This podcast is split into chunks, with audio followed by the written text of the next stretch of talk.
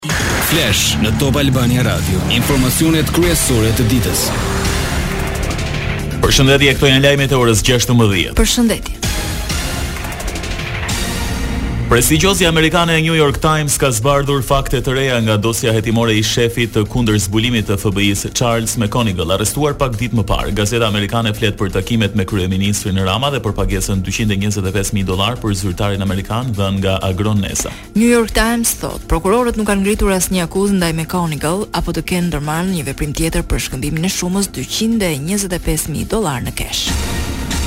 Kujtojmë se opozita shqiptare prej ditësh po tenton t'i lidhë takimet e Edi Ramës me ish-zyrtarin e lartë të FBI-së Charles McGonigal si pikënisjen e një përpjekjeje për të shkatërruar Partinë Demokratike atë kohë e udhëhequr nga Lulzim Basha. Po sipas opozitës, Rama, McGonigal, Agron Neza dhe Dorian Duçka ishin njerëzit që vunë në lëvizje FBI-në për të hetuar lobimin e Partisë Demokratike. demokratike, përmes kompanisë lobuese Muzin Capital e drejtuar nga Nick Muzin. Ministria Britanike e Migracionit Home Office ka urdhëruar njësitë e azilit të punojnë kryesisht me kërkesat për azil të bëra nga shqiptarët në përpjekje për të përshpejtuar rikthimin e shqiptarëve drejt Tiranës pas marrëveshjes për deportimin e shqiptarëve mes dy kryeministrave. Qëllimi i operacionit të koduar Bridora synon sipas The Independent të Londrës të deklarojë sa më shumë kërkesa të bëra nga shqiptarët për azil dhe t'i largojë ata ishulli.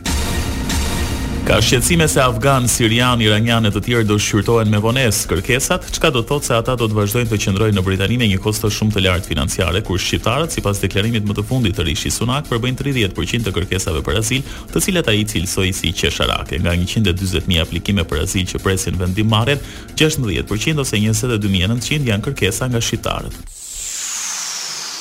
Lajmet në internet në adresën www.topalbaniradio.com. Elona Mihali është gjyqtarja të cilës i ra shorti për të shqyrtuar çështjen e vulës së Partisë Demokratike. Grupimi i Alibeajt ka në dorë vulën dhe logon e partisë, por me struktura inekzistente prej më shumë se një viti, ndërsa Sali Berisha ka rithemeluar partinë. por rrezikon të dalë jashtë zyrës së kryetarit nga një vendim i Gjykatës Apelit. Situata politike brenda kampit opozitar duket se ia ka vështirësuar punën edhe komisionerit shtetëror të zgjedhjeve. Zvarritja e betejës ligjore mund të rrezikojë regjistrimin e forcës më të madhe të opozitës në zgjedhjet e pranverës. 6 marsi është dita e fundit për regjistrimin e forcave politike pjesëmarrëse në zgjedhjet lokale të 14 maj. Komisioneri Ilirjan Celibashi paralajmëroi se para se të marrë një vendim mbi fatin e Partisë Demokratike do vlerësojë jo vetëm situatën juridike, por dhe vendimin e gjykatës që riktheu Sali Berishën në selinë blu.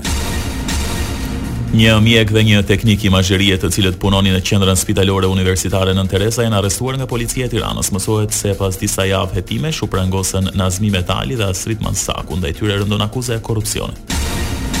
Ambasada e Mbretërisë së Arabisë Saudite në Tiranë njoftoi sot lëvrimin e një granti me vlerë 50 milionë dollarë nga Mbretëria e Arabisë Saudite për Republikën e Shqipërisë. Ambasadori deklaroi se ky grant i pakthyeshëm vjen në kuadër të miqësisë së ngushtë mes dy vendeve. Lajme nga rajoni.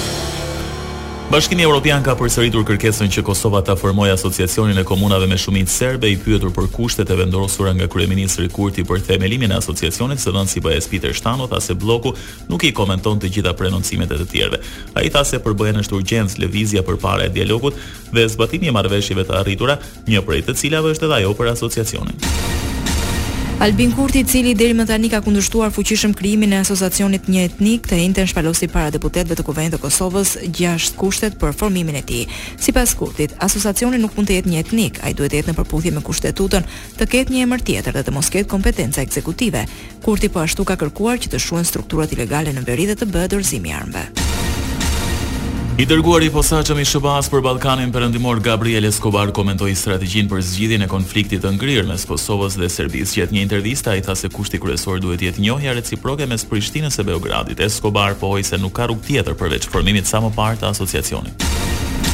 Pas tensioneve në seancë plenare e djathta opozitare në Serbi protestoi kundër vendimit të presidentit Aleksandar Vuçiç për të pranuar propozimin evropian që normalizon raportet me Kosovën. Shumë prej pjesëmarrësve e quajtën presidentin një tradhtar, ndërsa drejtuesit e dy partive opozitare u shprehën se nuk do të lejojnë që pavarësia e Kosovës të pranohet. Lajme nga bota.